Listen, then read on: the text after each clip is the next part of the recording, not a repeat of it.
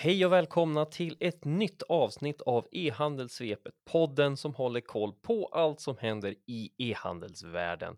Med mig Ola Andersson som till vardags jobbar på ehandel.se där jag jobbar med vår medlemstjänst plus och med min poddkollega David Gustafsson eh, till vardags på ehandel.se där jag knattrar artiklar och sen eh, händer det att jag är ute och modererar eller livepoddar som vi gjorde här på Next.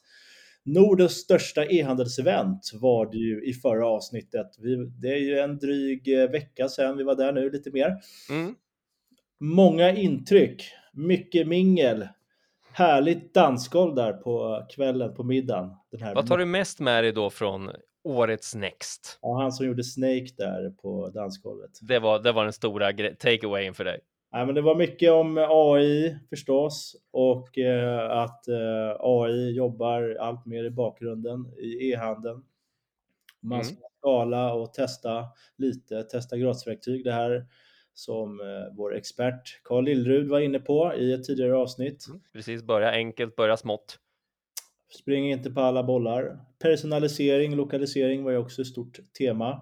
Eh, gammal skåpmat, men Mm. tåls att eh, påminna om. Det är ju så att eh, det inte bara handlar om att kunder ska få hjälp och hitta det som intresserar dem, utan eh, det är viktigt att hela köpresan är flexibel. Mm. Du skrev här i din summering.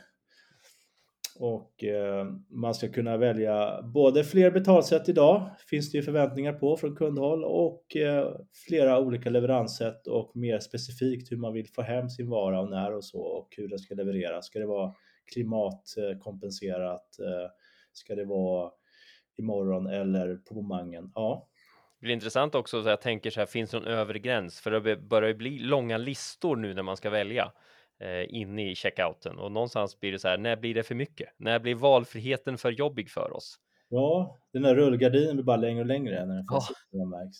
Så att våra hjärnor är inte superbra på att fatta beslut när vi har många valmöjligheter. Så att det kanske går till en viss gräns nu när vi går tillbaks mot en mer aggregerande tjänster kanske. Eller att man kanske kan eh, spara på ett ställe så att alla e-handlare vet vad jag vill ha helst och att det ställs in efter mig. Det är väl kanske dit man vill komma.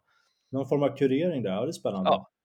Sen ska man ha koll på hela köpresan och eh, när man eh, som kund då kanske delar sitt köp i sociala medier eller visar upp köpet för vänner så finns det möjligheter för e-handlarna där va Ola? Mm. Ja, alltså någonstans att just att köpresan inte tar slut när ett paket har levererats eller ett returärende hanteras hanterats, utan att det folk pratar om det kanske i sin egna kanal är minst lika, lika viktigt. Och hur ser man till att man ger kunderna bra möjligheter att skryta med sina grejer eller visa upp sina grejer? Där kan det finnas eh, möjligheter. Du får så så mycket rabatt om du lägger upp din eh, Ja, Jag kan vara en sån sak. Tagga oss, få rabatt. Sen var det mycket back to basics, AI all ära och så vidare. Men de här AI är inte bättre än vad vi stoppar in i dem. Shit in, shit out. Det Mm. var ett ganska mustigt citat från en av scenerna. Och det är ju mycket fokus på lönsamhet fortsatt och att man ska skruva på saker och optimera. För det är ju någon form av lågkonjunktur som pågår. Vad tänker du där?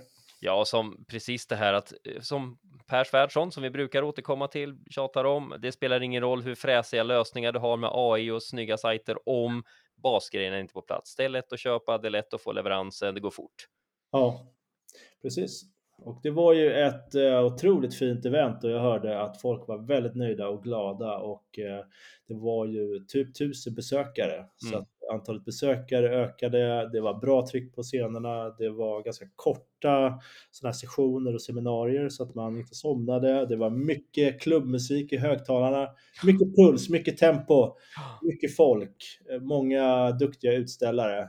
Mm. Ja, det kändes också som positiva vibbar bland med eh, besökarna, även jag och även någonstans ändå. Ja, det är tufft nu, men herregud, det här löser vi. Den känslan. Precis, det var optimistisk stämning. Mm. Eller så var det det som var, låg i glasen som gjorde alla så glada. Jag Kan vara så också. Det kan ju bidra, men eh, man ska inte underskatta det heller. Precis, men eh, det var ju också lite från Shein. Vi fick en konkret siffra där va Ola? Hur Ja, många- just det. På hur många kunder de har i Norden, ja, 1,3 miljoner. Mm, det var en ny siffra, det var kul att få vara först med. Och Mm. eh, Zalando berättade att de har minskat sin returgrad med 10% med ett sånt här virtuellt provrum. en modell i 3D som visar hur kläderna sitter. Och det här är också ett exempel på personalisering och något AI-algoritmiskt som jobbar i bakgrunden. Och ändå lite kul där som du nämnde i förra avsnittet av podden att eh, till exempel Zalando, så stora företag är ganska konkreta i sina dragningar också, att det inte blir det här bara företagsfluffet. Jag trodde att det skulle vara mycket mer corporate och svepande. Det var kul att få så mycket konkretion och mm. Eh, vi fick även från Autostore leverantören Element Logic, det norska bolaget, veta att lagren blir mindre och mer lokaliserade. Det är en trend i alla fall. Det är inte så att centrallagrens eh, tid är förbi på något sätt. De kommer finnas kvar, men parallellt så växer en trend där man lokaliserar lager i likhet som med dark stores ungefär inne i städer där man hämtar matkassar närmare kunden så att de snabbare ska få hem sin vara och eh, det ska också bli flexiblare leveranssätt. Så jag tyckte jag också var lite intressant. Mm. Och sen var det det här med apoteken och bokbranschen är väldigt i låg grad eh, digitaliserad i Norge. Det var lite förvånande. ja, det förvånade mig också att det var så stor skillnad mellan eh, alltså, Sverige och Norge på det området och även stora delar av Europa överlag. Ja, de har bara ett par procent av marknaden där, apoteksmarknaden, medan i Sverige är ju Apotea typ snart eh, Sveriges största apotek. Mm. Det var en eh, VD från apotera.no som Apotea då och Per Svärdson deläger som var där och berättade om, det och sen var det en eh, person från Norley som säljer böcker och eh, verkar ligga väldigt långt efter där och där tänker man ju sig att tillväxtpotentialen är enorm i mm. Norge men vi pratade med vår norska chefredaktör och han sa att ja, det är så att norrmännen föredrar att gå till sin bokhandel. De tycker det är lite mys och de gillar att gå till sitt lokala apotek. Det sitter i där. Frågan är om det kommer sitta i fortsatt också, att det är någonting som man kommer även framöver vilja. Det kanske är någonting som norrmännen gillar. Ja, eh, det var spännande i alla fall. Ja, men där drog vi lite wrap-up från mm. det feta Next-eventet. Och nu mm. ska vi till samtiden och verkligheten. Och... vi är nu tillbaka i verkligheten och vardagen i våra mer ordinarie omständigheter här nu. Ja, och vad har hänt nu i veckan? Nej, jag såg att Söder Sportfiske, trumvirvel, hovar in miljoner.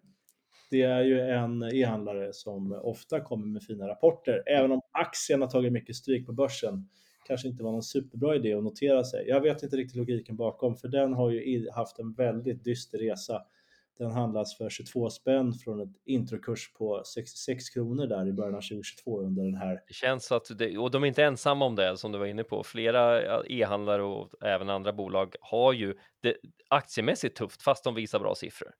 Ja, det är ju någonting med pandemidopade siffror kanske som spökar fortfarande och nu förväntar sig marknaden något liknande. Jag vet inte riktigt. Det Om kanske man... kan vara så också att man hör så mycket om att e-handeln har det tufft och man inte tror på det av den anledningen. Man tittar liksom inte riktigt på siffrorna utan man går på att e-handeln är inget att satsa på.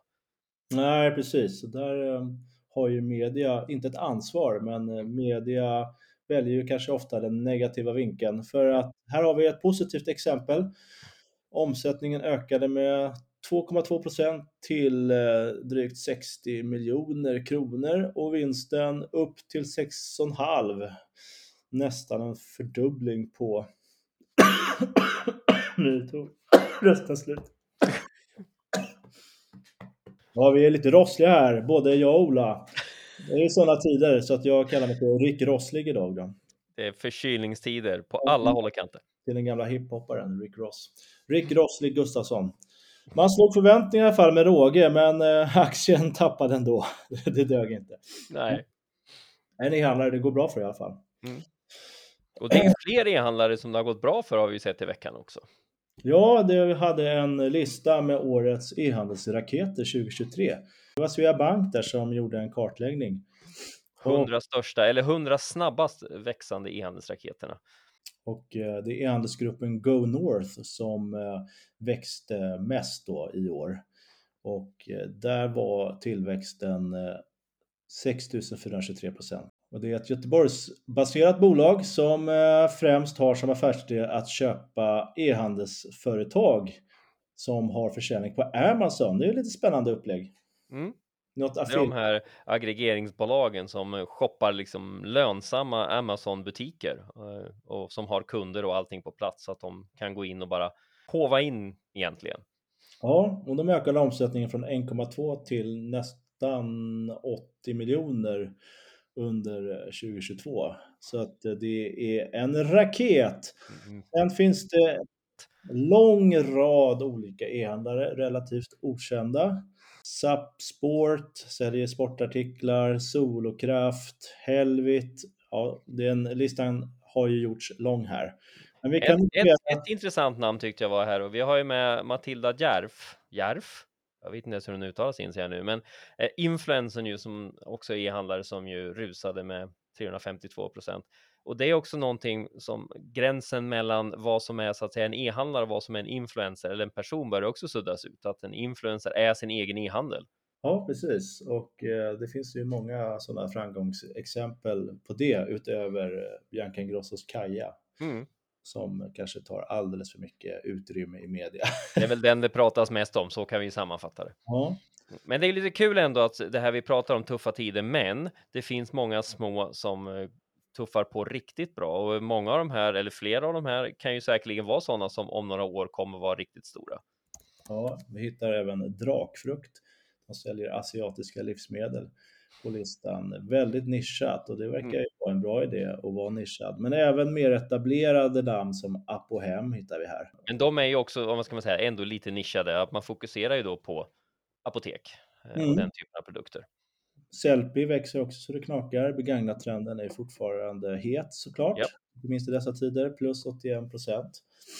Och vi har lite ridsportsföretag, det är sport och det är apotek och vi har fritid.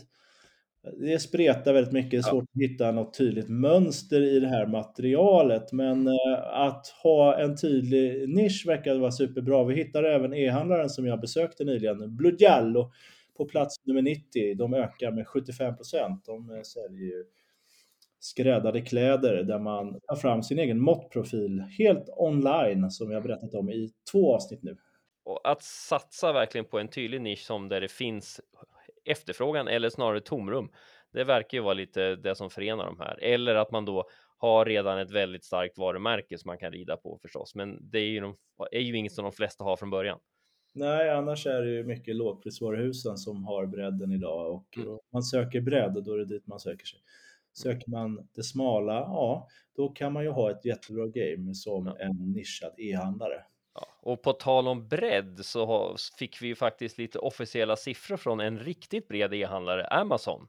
Just det, snygg övergång där Ola. Jajamensan, jag jobbar hårt på våra övergångar. De gick ju ut med, de, det är EU som nu tvingar de här stora techbolagen att bli mer transparenta i sina siffror, vilket gör att vi kommer få mer EU-anpassade siffror från de här bolagen, men faktiskt också Sverige-siffror. Så att vi fick veta att Amazon har två miljoner användare varje månad här i Sverige. Var det förvånande Ola? Fler än vad du trodde? Ja, eh, på sätt och vis, eller kanske man hade tänkt sig att det skulle vara ännu fler, eh, för det känns ju som att typ alla är på Amazon, men det visar ju ändå att två miljoner är fortfarande en väldigt stor andel, men det är ju inte hela den svenska e-handelsmarknaden, så att bevisligen så, så är ju de inte helt dominerande här, det de själva säger.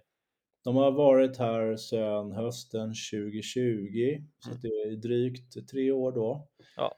Och eh, de har ju ändå gått från 0 till 2 miljoner. Ja, samtidigt så var nog många av de här kunderna redan Amazon-kunder innan, fast inte via svenska Amazon, så att man kanske redan hade beteendet etablerat att man går till en Amazon-sajt. Mm. Men vi fick också veta att totalt så har de nu 181 miljoner eh, användare varje månad i hela EU, så att det är ju närmare 200 miljoner eh, användare de har då på månadsbasis. Så att de är ju milt sagt stora. Där har vi pratat om tidigare att EU är på dem om att de är den största aktören, mm. men de pekar istället på landnivå. Ja, de tycker mm. att, eh, ja men som du sa, två miljoner, ja men då är man kanske inte störst i Sverige, så då ska man inte bli lika hårt reglerad, för det blir orättvist för Amazon jämfört med andra stora e-handlare. Eh, och det får vi väl se hur EU kommer ställas inför det, för trots allt så är ju det är ju inte så att Amazon har att de lokala landskontoren inte har någonting med varandra att göra. Nej, det är inte helt separata enheter om man säger så. Det är ett och samma bolag. Har det hänt något nytt där eller är det byråkratins Senast statusen är väl att det ligger ju nu EUs domstolsväsende ska ju titta på den här frågan, den här stämningen som Amazon lämnade in. Så vi får ju helt enkelt återkomma till det när det dyker upp något. Ja, och i Tyskland har man ju flest användare, över 60 miljoner. Det är ju typ hela den marknaden. Ja, där känns det verkligen som att de är dominerande, så där kommer vi få svårt att inte hävda att de är störst. Nej, vad bor det i Tyskland? 83 miljoner? Ja, det är väl något sånt. Och sen är det några barn som kanske inte får handla där. Och så Nej, också. precis. Så det är väldigt, väldigt stora. Det är väl nästan 100 procent av de e-handelsmöjliga kunderna.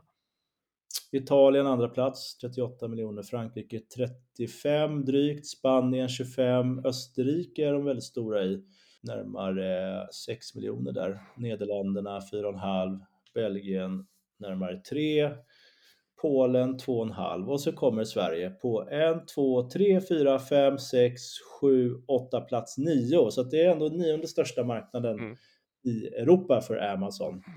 Danmark hittar vi betydligt längre ner. En, två, tre platser till så hittar vi Danmark då. Så plats, eh, vad blir det, 13. Och Finland 14. Och det är ganska stort upp med tanke på ändå att befolkningsskillnaderna är ju inte riktigt lika stora kanske som skillnaderna i marknadsmängd. Ja, precis. De verkar verkligen vara etablerade i Sverige jämfört med de länderna, absolut. Då får vi se om de kommer till Norge också. Mm. Det är väl och, nästa steg. Däremot så kommer vi väl inte få några EU-siffror för just Norge. Eh, men nej. Norge-siffrorna kanske de börjar gå ut med samtidigt om de ändå redovisar ungefär alla andra europeiska länder nästan. Amazon har i alla fall idag kontor i 50 europeiska städer, 250 logistikcenter och över 150 000 anställda i fasta roller i 21 EU-länder. Så man är en stor och betydande spelare i EU. I Sverige omsatte Amazon.se runt 2 miljarder förra året och det blev en vinst på 10 miljoner. Snart är det dags att göra den där uträkningen igen eh, när man drar bort momsen. För ja, precis. För man kan ju säga det, en, en vinst på 2 miljoner, 10 miljoner på 2 miljarders omsättning är ju inte fantastiskt mycket. Så man kan ju tänka sig att kanske inte riktigt alla pengar skattas riktigt där Sverige tycker att de borde skattas. Precis. Och apropå stora plattformar så har det hänt saker på Google också. Ja, de har ju bråkat med oss nu igen. De gör ju de här jätteuppdateringarna med lite jämna mellanrum när de i princip ändrar hela sin sökalgoritm. Och det har ju hänt nu igen och det känns som att den här gången var det tydligen en extra jobbig eh, uppdatering har vi ju sett på många håll. Ja, vad är det som har hänt där egentligen? Det, det är som alltid lite svårt att veta hur Google eh, rankar sina algoritmer, men det verkar ju som att de ännu mer fokuserar på att innehållet ska vara eh, hjälpsamt. Det är ett ord som Google ofta använder och att det ska vara autentiskt.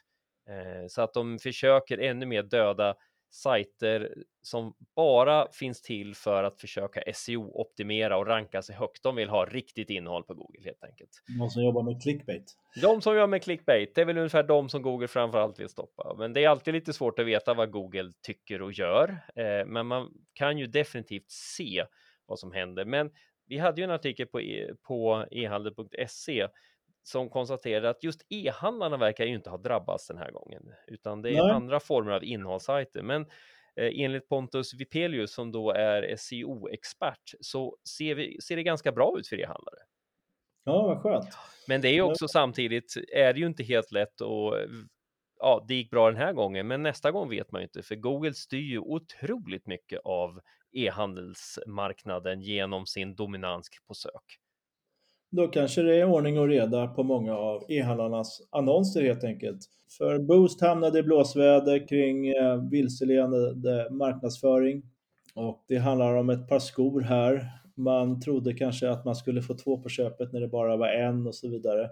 Och det är väl sånt där som typiskt sett eh, Google kanske inte gillar, eller Googles algoritmer. Nej, alltså att man ska ju säga, man ska ju inte säga en sak i sökresultatet och en sak på sin sajt. Sånt tycker Google absolut inte illa om. Eller tycker Nej. absolut inte om, men i Boost-fallet var det dessutom så att eventuellt, och det är åtminstone där Boost lite hävdar, så är det så här, ja men det är Google som har eh, gjort det här. Eh, vi, vi såg inte riktigt att det hände på annonserna, vi hade inte riktigt koll, men det var inte vårt fel. Eh, alla skyller på alla. Ja, det, det, så jag skulle säga det, så var det ju alltid, det är klart det är någon annans fel, men det är också en liten utmaning när man sitter i plattformarnas knä att hopps, nu har de ändrat och då är ju, frågan är ju då vems är felet när man inte riktigt har hängt med på alla svängar. E-handlaren Boo säger i alla fall att man har en dialog med Google om möjligheten att införa fritextfält i Google-annonserna så att konsumenterna bättre kan informeras om särskilt viktiga köpvillkor. Och eh, tills dess att det är löst då så ska Boost nu i den klickbara produkttiteln på annonsen lägga in orden villkorat erbjudande och på så sätt ska man komma undan både reklamombudsmannen och sura Google-algoritmer. Ja, så precis. Och ibland så kan ju de gå lite stick i stäv också. Reklamombudsmänniskor och Googles algoritm. Så vi får väl se vad det landar i om, om eh, reklamombudsmannen håller med det Google tycker är en bra lösning. Ja, och apropå stormar så stormar det på ett annat ställe och det är ju inte första gången det gör det på just det stället. Det är ett stort bolag som heter Klarna. Mm. Som jag tror eh, en och annan känner till. Kanske, kanske en och annan använt.